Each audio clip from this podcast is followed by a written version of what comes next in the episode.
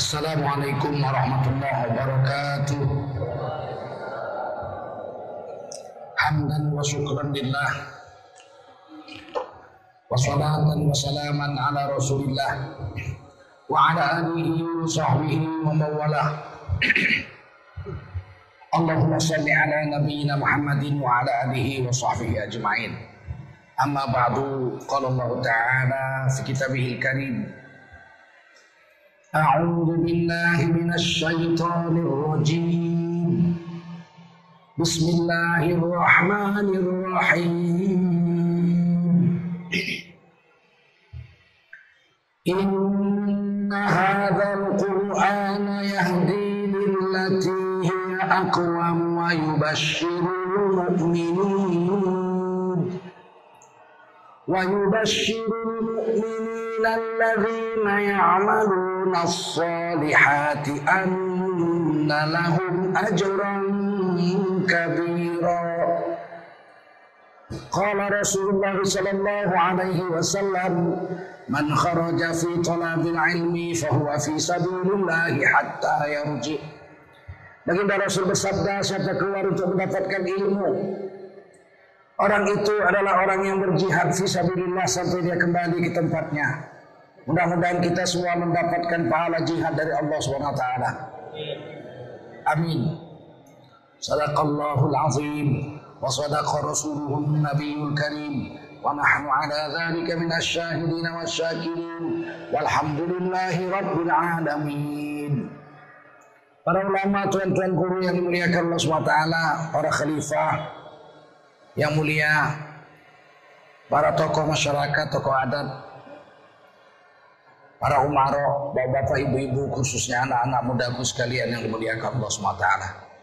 Wajiblah kita bersyukur pada Allah SWT. Salawat dan salam kita sampaikan untuk baginda Rasulullah Wasallam. Agama Islam ini sudah turun kepada Nabi Muhammad Wasallam selama 1455 tahun. 1422 tahun hijrah ditambah 13 tahun di Mekah. Jadi Islam itu sudah turun kepada Rasulullah 1455 tahun. Perjalanan agama segitu lamanya 15 abad. Ada pasang surut Pasangnya Islam pernah berkuasa di seluruh dunia selama 700 tahun. Surut seluruh dunia Islam dijajah asing kecuali Turki selama 700 tahun. Sekarang Islam mulai bangkit. Karena kata Nabi Islam akan pasang 700 tahun, surut 700 tahun, Kemudian akan bangkit lagi pasang lagi 700 tahun. Ini adalah kebangkitan Islam kedua. Baru 1442 tahun. Masih ada sisa 660 tahun lagi kejayaan Islam. Dan orang-orang Yahudi, orang-orang Nasrani di barat sana tahu dia bahwa Islam akan bangkit Kali kedua ini mereka tahu. Makanya mereka sudah mulai pancang pasang ancang-ancang sejak tahun 2000. Mereka sudah tulis buku Megatrend 2000. Artinya apa? Peradaban dunia ini dulu persaingannya blok barat dengan blok timur. Blok Uni Soviet dengan blok Amerika Serikat. Itu persaingannya dulu. Satu komunis, ateis, nggak beragama. Satu lagi Kristen. Eropa dengan Amerika. Kita di tengah-tengah. Kita blok, non blok. Non blok, nggak ikut blok barat, nggak ikut blok timur. Bahkan Indonesia Pak Harto pernah jadi ketua non blok dunia. Dan sesuai dengan Undang-Undang Dasar 45 pembukaan bahwa kita politik kita ini bebas aktif. Bebas tidak ikut blok barat, blok timur. Tapi aktif menciptakan perdamaian dunia. Oleh karena itu kita menentang penjajahan. Ditulis itu. Kemerdekaan adalah hak segala bangsa. Dan oleh karena itu penjajahan di atas dunia harus dihapuskan karena tidak sesuai dengan peri kemanusiaan dan peri kemanusiaan. Itu jelas. Maka kalau kita berpihak kepada Palestina, wajar. Satu-satunya negara yang masih dijajah di zaman modern ini, tinggal Palestina saja yang dijajah. Padahal Palestina itu merdeka dulunya, negara merdeka. Yang mengaku Indonesia merdeka pertama kali itu Palestina, 1944, setahun sebelum Indonesia merdeka. Barulah Mesir, Arab Saudi, Irak, Yaman, negara-negara Arab yang lain mengaku Indonesia merdeka. Ada tujuh negara. Tidak satu pun negara Eropa dan Amerika, Cina yang mengaku Indonesia merdeka. Yang mengaku Indonesia merdeka tujuh negara pertama adalah negara-negara Arab. Tapi sekarang enam tahun ini Arab dibencinya bukan main. Sampai ada pembesar negeri ini bilang jadilah Islam, jangan jadi Arab. Orang pakai cadar dibilang radikal. Orang pakai jubah serban dibilang kadal gurun, kadrun. Ini kebencian terhadap Arab memang diciptakan. Gara-gara politik yang jahat. Takut umat Islam ini bangkit. Sekarang ini baru enam tahun Indonesia ini menekan Islam. Sholat boleh, puasa boleh, ibadah boleh. Tapi berpolitik tidak boleh. Belanda juga begitu. Naik haji disediakannya kapal. Mau sholat dibikinkannya masjid. Tapi nggak boleh berpolitik. Nah Amerika ada membuat buku Megatrend 2000. Nanti peradaban ini bukan lagi sopir lawan Amerika yang sopir bubar. Maka sekarang pertarungannya antara Islam dengan Barat. Nah, jadi dalam 2000 kita sudah tekan bahwa Islam akan bertarung dengan Barat. Sehingga Barat itu asal bawa Islam dibuang. Nggak boleh. Nah, Indonesia ikut-ikut ini yang sialnya ini. Ikut-ikutan jijik lihat orang pakai serban jubah nggak suka, lihat orang pakai cadar nggak suka. Ulama-ulama jangan ikut-ikut politik, ulama-ulama urus agama saja, terus politik diurus bandit-bandit begitu. Germo-germo, bencong-bencong ngurus agama begitu. Koruptor-koruptor ngurus dunia, ngurus politik. Ulama nggak boleh, ulama hanya ngurus agama saja. Ini kan bahaya ini. Padahal dulu memerdeka ke Indonesia ini ulama semua. Semua ulama dulu yang memerdeka Indonesia ini. Tuan Kuta Busai, sini, lahir sini, perang sini. 27 tahun beliau perang sini. Dan tidak tertangkap oleh Belanda. Beliau melarikan diri ke Seremban Negeri Sembilan Malaysia dan dakwah di sana. Kubur beliau. Saya sudah sampai sana. Ziarah ke sana. Oleh karena itu mari kita kembali kepada pemikiran Islam. Tidak bisa kita hidup tanpa agama Islam ini. Dan ajaibnya Islam ini nggak ngurusin ibadah saja. Islam ini mengurus seluruh aspek kehidupan manusia. Maka disebutlah Islam itu ad-dinul hayah.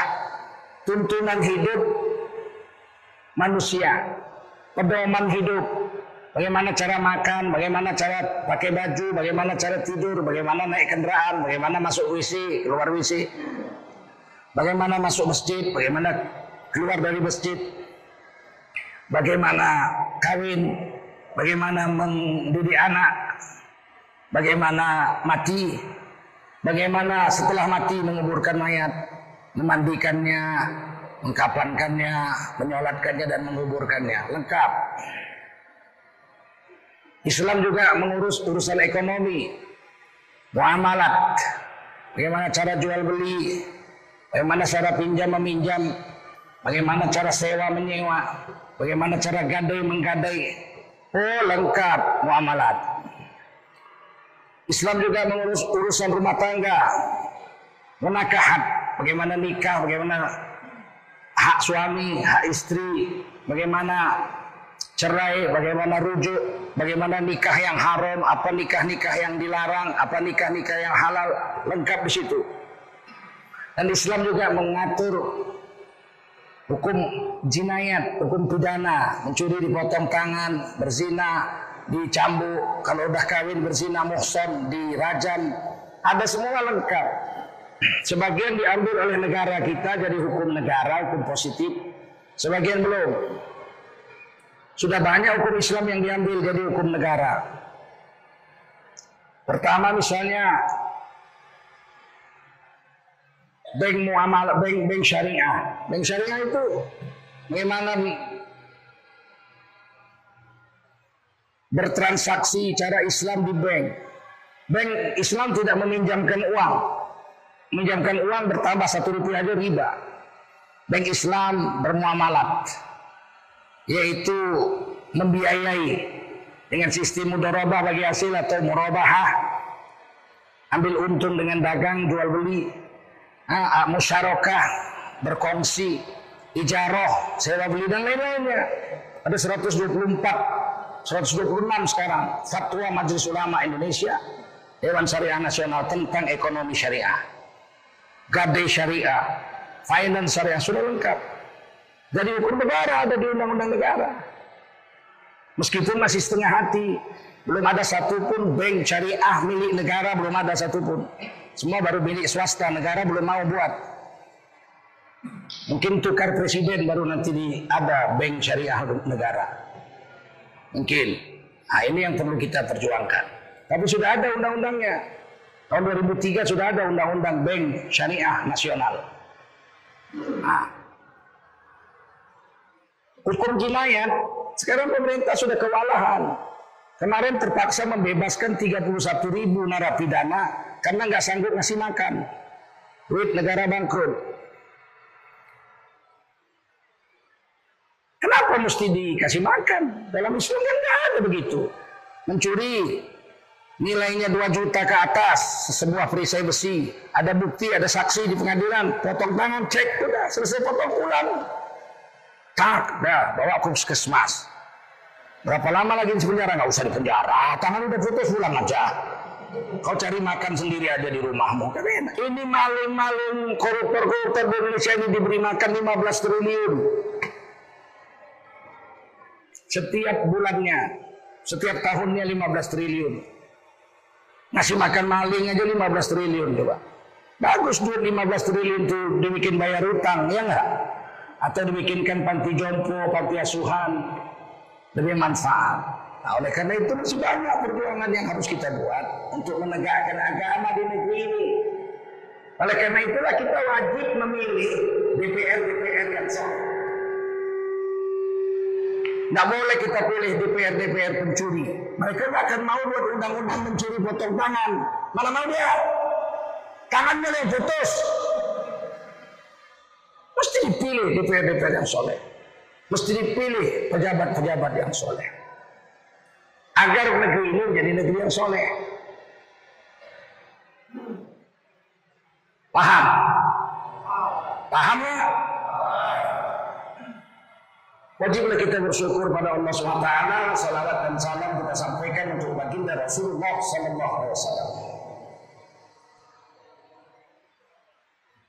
Dalam kehidupan yang pendek ini, kita itu diwajibkan beriman.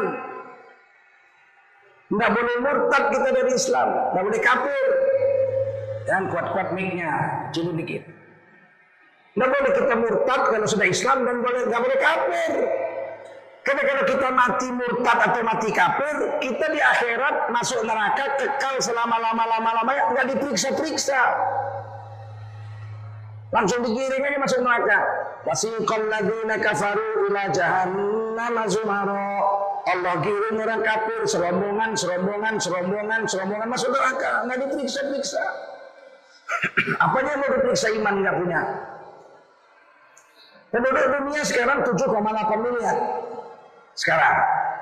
Hanya orang Islam hanya 1,9 miliar. Dari 7,8 miliar. Kan banyak yang nggak Islam daripada Islam. Alhamdulillah kita Islam.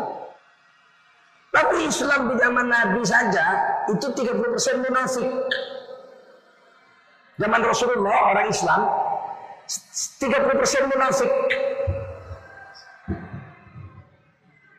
Dari mana kisahnya? Kita lihat dari perang Uhud.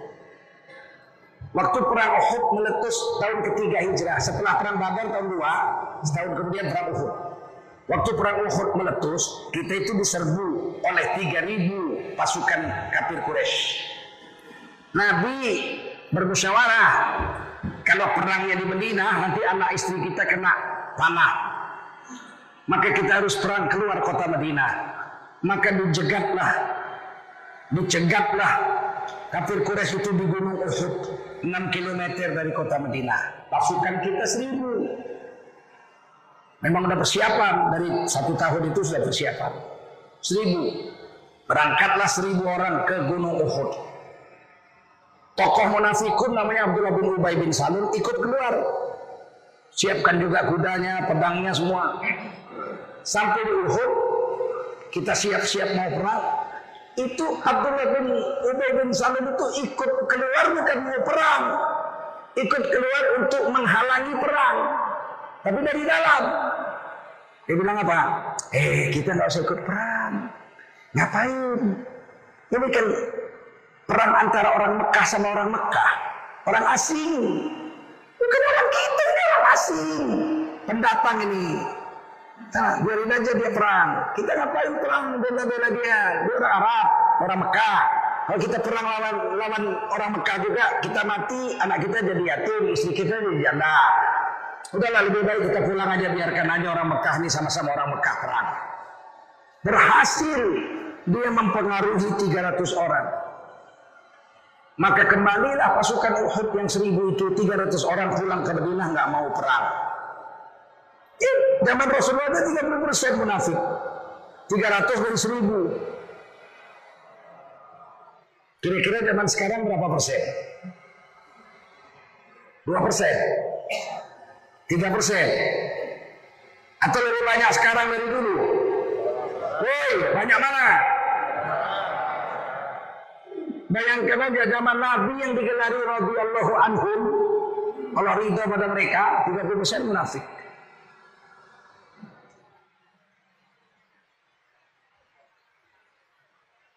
Oleh karena itu kita harus periksa-periksa diri kita ini. Aku ini Islam benar atau Islam munafik? Ciri-ciri munafik apa? Marah dia kalau ada orang mengamalkan agama. Ah, itu dia. Wa munafik yubghiduhu. Orang munafik itu marah kalau ada orang menegakkan agama. Nah, sekarang kita lihat, kalau orang menegakkan agama, kita marah apa enggak? Kalau marah kita munafik, udah jelas itu hadis yang bilang ini hadis. Lihat orang jikir-jikir, kita senang apa marah? Nah, kalau marah kita munafik. Kalau orang jikir, la ilaha illallah, la ilaha illallah, la ilaha illallah. Dia benci. Saya pernah jumpa di Batam, keluar dari masjid, sholat. Keluar saya, baru mau naik kendaraan. Lewatlah dua orang dari masjid lain, sholat maghrib. Dari masjid lain jalan kaki depan masjid ini. Masjid ini lagi jikir-jikir. La ilaha illallah, la ilaha illallah. Apa kata dua orang yang keluar dari masjid ini? Dari masjid lain, dia bilang apa?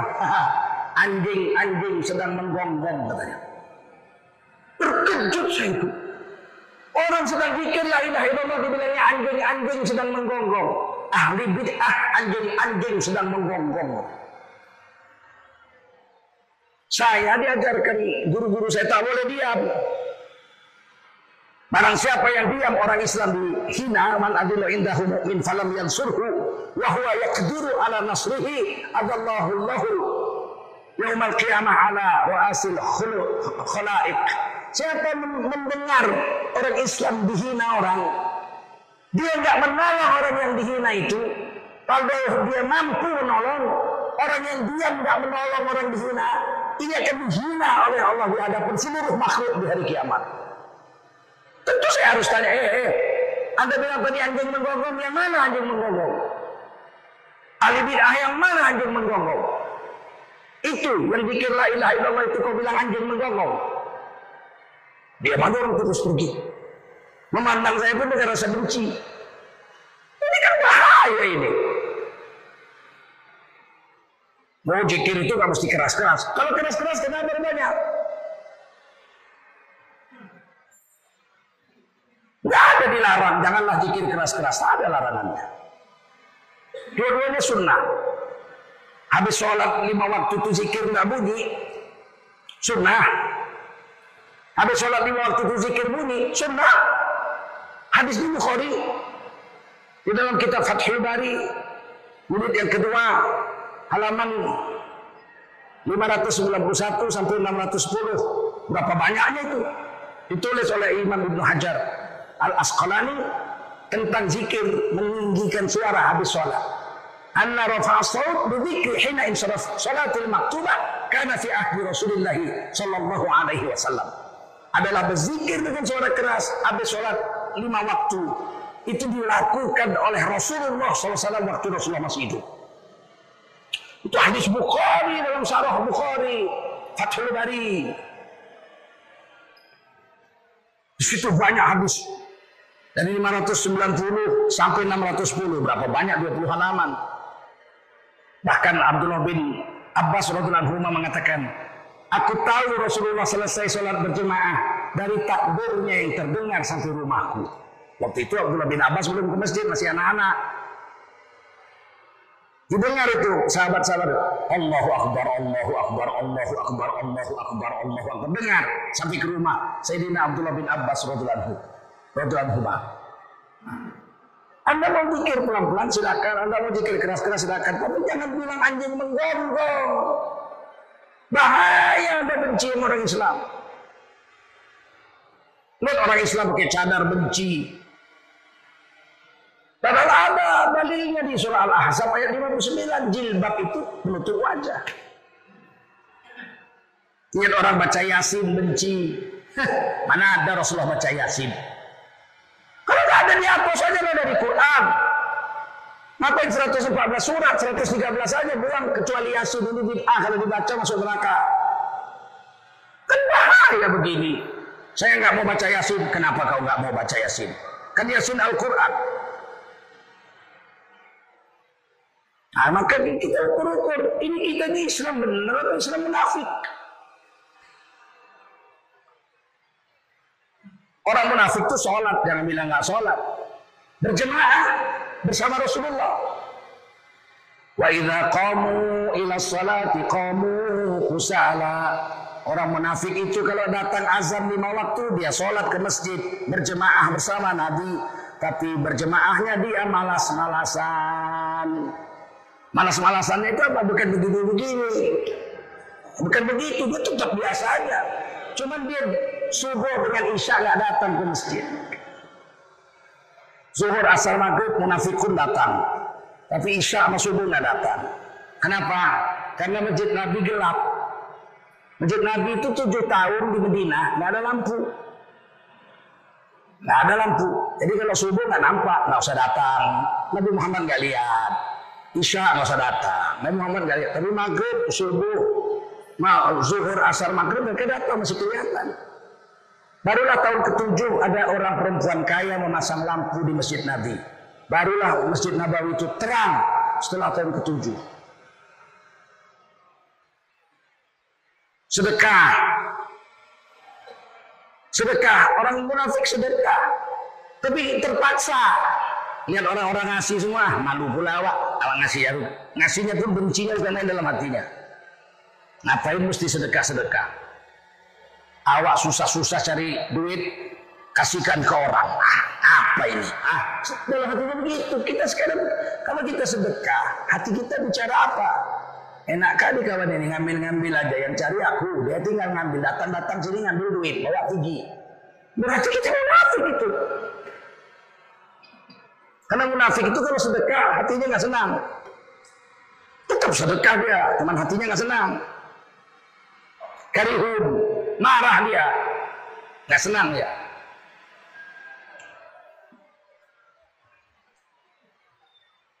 Bagaimana cara membuangnya itu? Dilatih. Kalau nggak dilatih mana bisa? Dilatih mulai menyukai Islam. Suka dengan zikir, suka dengan baca Quran, suka lihat perempuan pakai cadar senang, lihat laki-laki pakai jubah serban gembira, lihat orang berzikir bahagia, lihat orang sedekah kepingin ikut sedekah, dilatih itu. Dilatih dikikis pelan-pelan, dikikis pelan-pelan sampai kita menjadi orang yang betul-betul beriman kepada Allah Subhanahu wa taala. Ciri-cirinya disebut juga di Quran.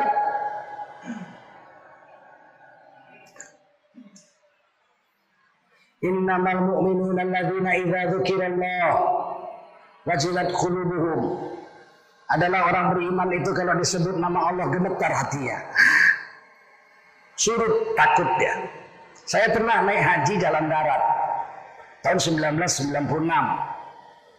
dari Malaysia saya, dari Indonesia, dari Medan, Tanjung Balai Asahan, naik boat saya ke Kelang, dari Kelang saya Kuala Lumpur, naik kereta api, kemudian saya naik bus ke Bangkok, terus naik truk, naik sampan, naik apa sajalah, sampailah saya ke Mekah di empat bulan setengah. Nggak ada bisa, mana ada. Orang pakai paspor coklat, saya pakai paspor hijau, paspor pariwisata saya, nggak pakai paspor coklat. Dulu haji wajib pakai paspor coklat, nggak ada visa, nggak boleh masuk Saudi. Saya sampai di Saudi letakkan visa dia bilang kau nggak baca itu pengumuman besar-besar tuh. Jemaah haji dari Indonesia wajib dapat visa dari Jakarta tuh tertanda Dirjen Imigrasi Roni Sidoraya. Ku bilang udah ku baca dari Indonesia, Singapura udah ku baca di Malaysia udah ku baca, Bangkok udah semua udah ku baca. Memang gak dikasih visa harus dari Jakarta, tapi aku kemarin mau naik haji. Udah lebih 10 ribu kilometer ku jalan ini. Beberapa nggak bisa, ada visa nggak bisa. Betul ini saya bilang. Iya, oke, okay, sini pasportku. Sini, aku pulang ke Indonesia. Tapi ingat ya, nanti hari kiamat ku adukan kau sama Tuhan. Gue ngetar sama jenggot-jenggot, gue ngetar. Nah itulah orang beriman itu.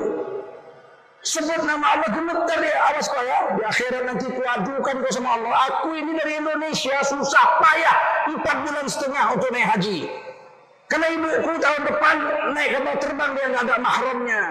Aku harus jadi mahramnya, ku cegat setahun lebih dulu. Kau larang gara-gara kau yang berkuasa megang stempel ini. Nanti kau di hari kiamat. Sini pasportku. Oh jangan, jangan. Sabar, sabar. Apa sabar, sabar, sabar. Gemetar. Dia telepon bosnya, pakai Motorola udah punya HP dia tahun 96. Cek.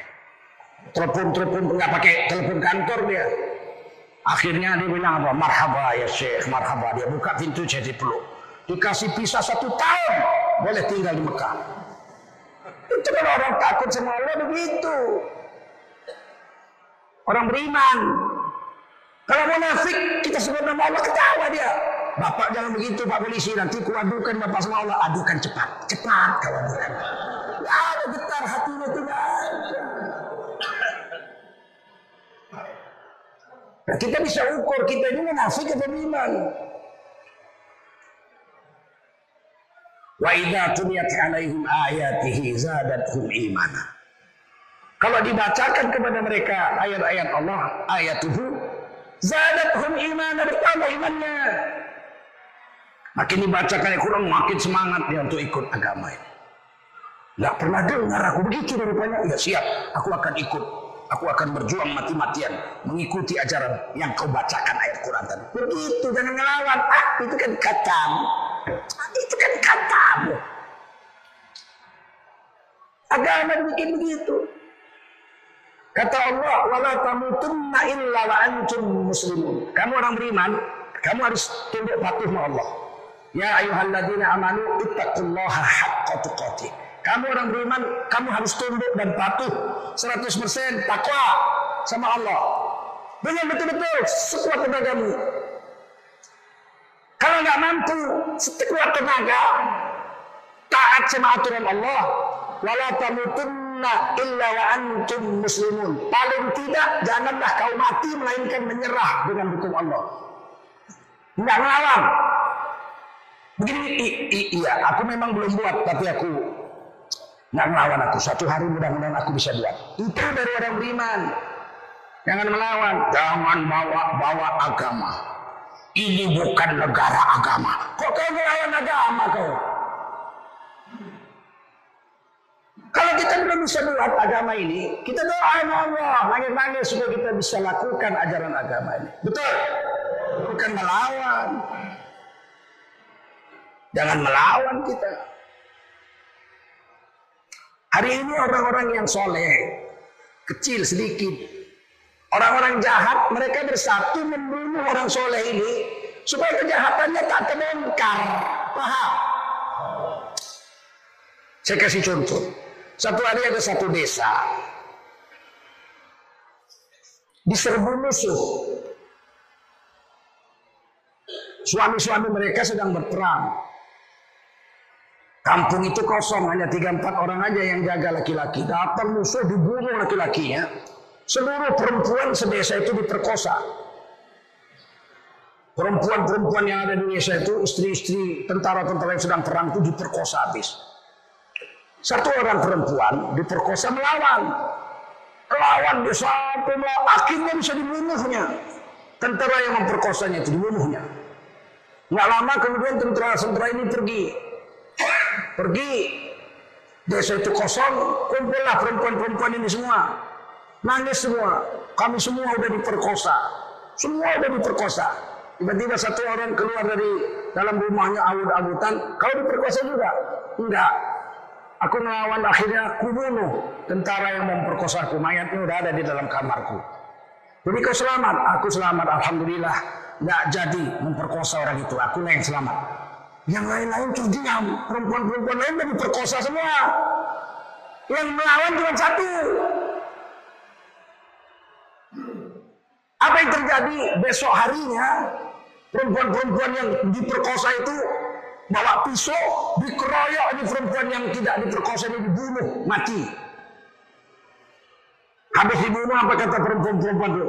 Nanti diceritakannya sama suami-suami kita pulang dari perang, dibilangnya dia sendiri yang nggak diperkosa, ngelawan sampai mati, sementara kita nggak ngelawan, kita diperkosa, nanti kita dibunuh, diceraikan kita sama laki-laki kita semua. Daripada bocor ini cerita, dia aja kita bunuh. Ini akan terjadi ini kalau lebih banyak orang jahat di negeri ini. Orang-orang baik itu akan dibunuh, dibunuh karakternya, disingkirkan. Kalau nggak bisa disuap, nggak bisa kasih jabatan, bunuh. Paham kisah ini? Maka nggak heran ada ulama ditikam,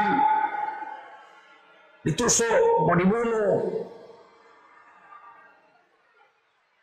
Ini Tengku Zulkarnain ceramah keras sekali. Benci kali kami. Oh kalau ceramah keras dibenci.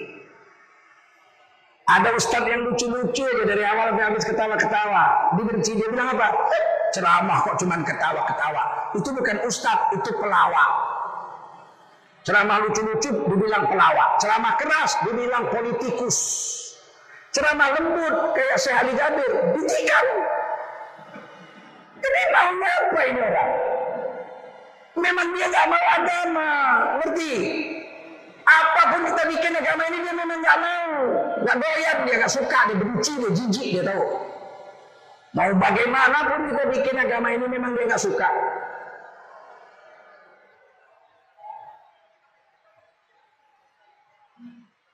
Kelihatan itu.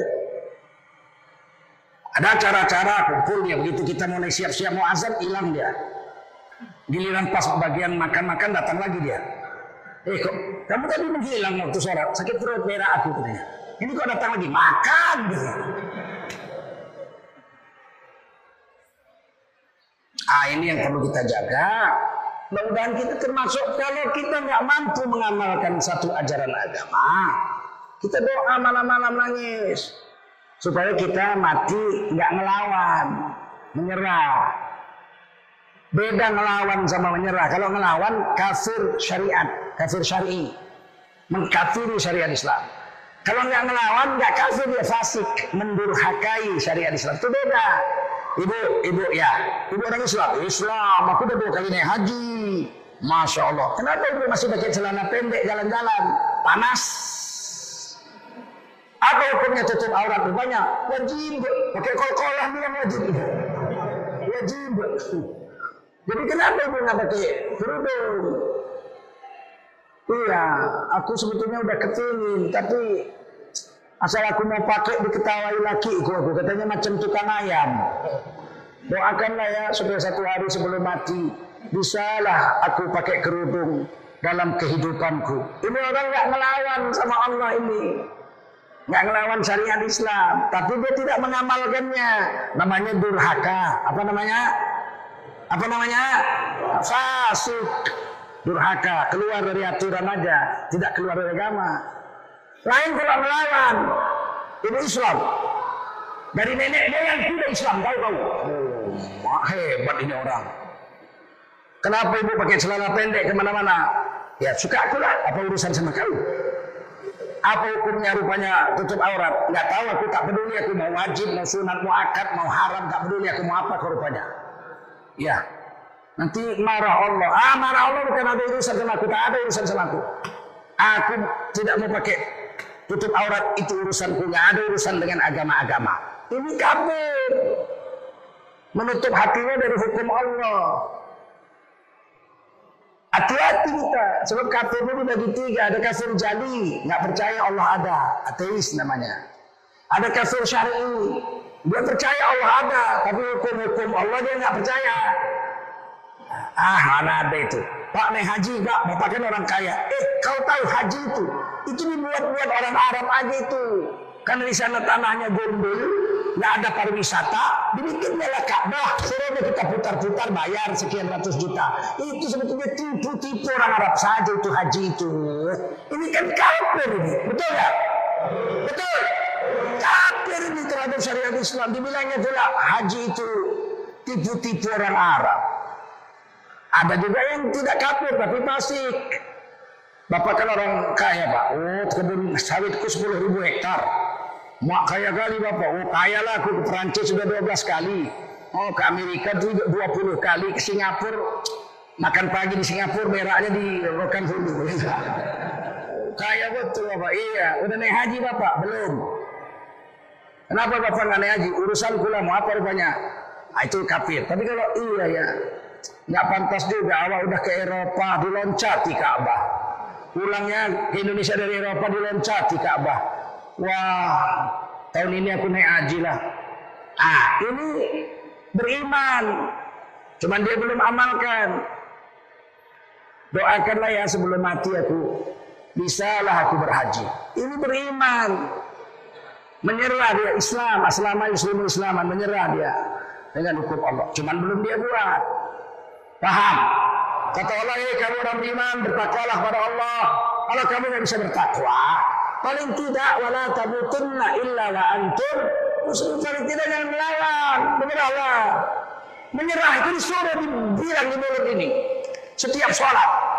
Inna salati wa nusuki wa mahyaya wa mamati lillahi rabbil alamin la syarikalah wa bidzalika umirtu wa ana minal muslim. Ana minal muslim. Dan aku salah satu dari orang yang menyerah diri dengan aturan Allah. Nggak ngelawan lima kali disuruh sebut tiap hari dalam sholat. Jangan ngelawan. Mudah-mudahan kita mati dalam keadaan Islam. Amin.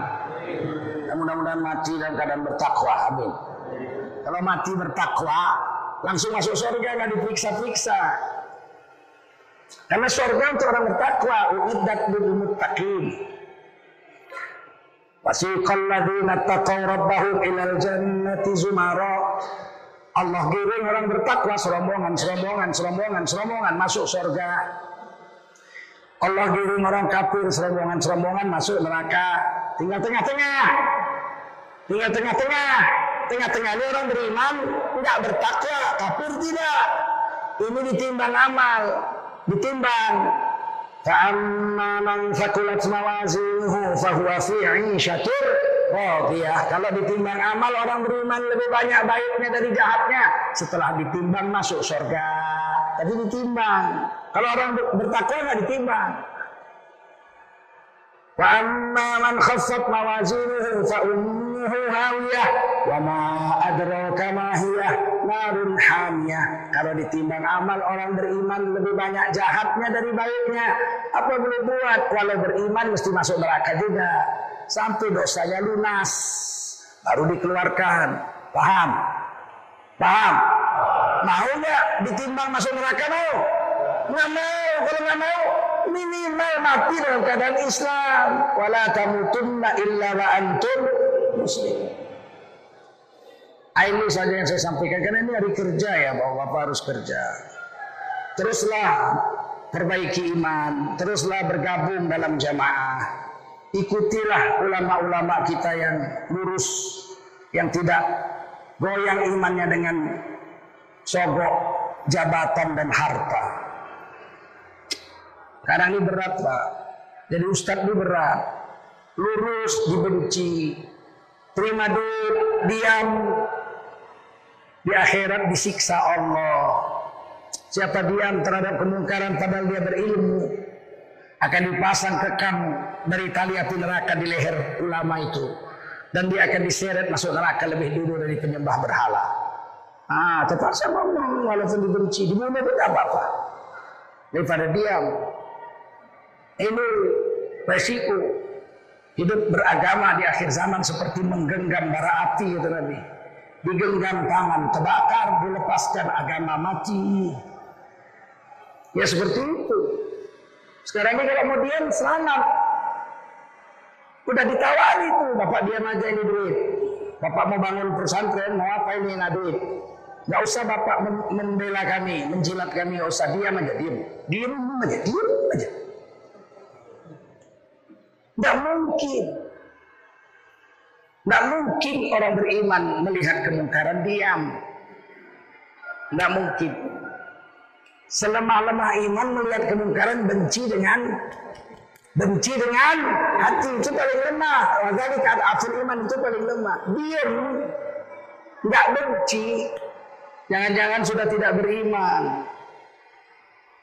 Mesti Tukar fal yughayyirhu dengan kekuatanmu. Enggak mampu kau dengan kekuatanmu karena memang enggak punya kekuatan. Tapi bisa nih dengan lisannya, dengan lidahnya ngelawan, lidahnya ngelawan. Kalau lidah nggak mampu, tapi kalbihi hatinya memberontak melawan. Dan memberontak melawan dengan hati terhadap kemungkaran, itu adalah iman yang paling lemah. Kalau enggak benci dengan hati, jangan-jangan enggak beriman. Ini kan hadis sahih. Ah, mudah-mudahan ada manfaat. Ini kita datang. Ya. Bagaimana ada pemerintah kita melarang berkumpul sekarang ini majelis taklim kemudian kita kita Majelis Ulama Indonesia berfatwa tidak ada larangan untuk berkumpul di masjid, sholat berjamaah tidak ada larangan. Kalaupun ini wilayah COVID ada protokolernya. Tidak bersentuhan, tidak bersalaman, jaga jarak, pakai masker, cuci tangan. Ini sudah ada protokolernya. Kenapa masjid harus dilarang? Di mall boleh, di pasar tempat orang jualan boleh. Oh itu kan lain pak, itu kan kewajiban memenuhi uh, keperluan hidup. Ini kewajiban memenuhi, memenuhi keperluan iman. Nih, Kenapa yang ditutup cuma sekolah sama masjid aja? Diskotik buka, hotel buka, pasar buka. Oh kan itu kewajiban Pak memenuhi perut. Perut kau mati nggak perlu lagi kau ngisi perut. Iman ini sampai hari kiamat. Makanya silakan aja, tapi patuhi prosedur, jangan salam-salaman, ini masih ada yang nekat juga karena Ustaz ceramah diciumnya. Jangan kau cium-cium aku. Paham sampai sini? Nah, ada larangan tidak boleh melanggar fatwa Majelis Ulama Indonesia. Kan kita berjarak-jarak juga. Kan kita pakai masker juga. Kan kita sembarangan aja kemari. Kalau akidah wal jamaah yang mematikan itu Allah, betul. Yang menghidupkan itu Allah. Karena kita akidah sunnah jamaah, kita disuruh usaha. Usahanya apa? Pakai masker, jaga jarak, cuci tangan, ya kan? Nah, itu protokolernya itu usaha itu usaha. Ikhtiar. Kalau berhasil, alhamdulillah. Nggak berhasil, innalillahi Dilarang berkumpul ke masjid. Belum ada pula orang mati gara-gara ke masjid. Pejabat-pejabat yang kena covid itu yang memang nggak ke masjid gitu.